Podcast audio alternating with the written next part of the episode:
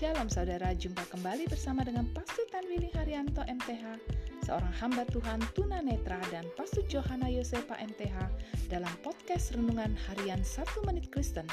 Di dalam podcast ini, kami membagikan kebenaran dari Alkitab yang dimulai dari kitab kejadian sampai kitab Wahyu. Selamat menikmati.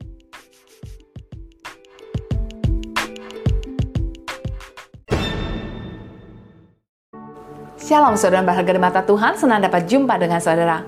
Hari ini firman Allah mengingatkan kita bahwa kematian Yesus Kristus untuk menebus dosa manusia. Korban penghapus dosa adalah bagi mereka yang telah melakukan dosa tanpa sengaja dan mereka yang melakukan dosa karena kelemahan atau kelalaian yang langsung melawan Tuhan. Untuk mendapatkan pengampunan dari berbagai pelanggaran yang mengakibatkan dosa, maka mereka harus mempersembahkan binatang yang berbeda pula Saudaraku, ketahuilah hari ini kematian Yesus Kristus di kayu salib merupakan persembahan terakhir untuk mengampuni dosa manusia. Sebab firman Allah mengatakan, demikian juga Kristus mati hanya satu kali sebagai persembahan bagi dosa manusia.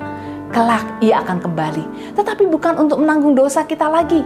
Kali ini ia akan datang membawa keselamatan bagi semua orang yang dengan sabar dan rindu menanti-nantikan dia. Untuk itu, marilah kita datang kepada Yesus Kristus yang sanggup mengampuni dan menyelamatkan kita dari dosa. Amin.